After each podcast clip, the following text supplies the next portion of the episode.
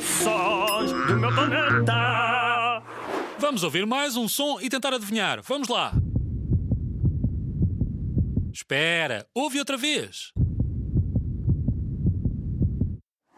Então, será o som do nosso coração a bater? O som do vizinho de cima a dar com um martelo no chão? Ou alguém a amolgar um pedaço de metal?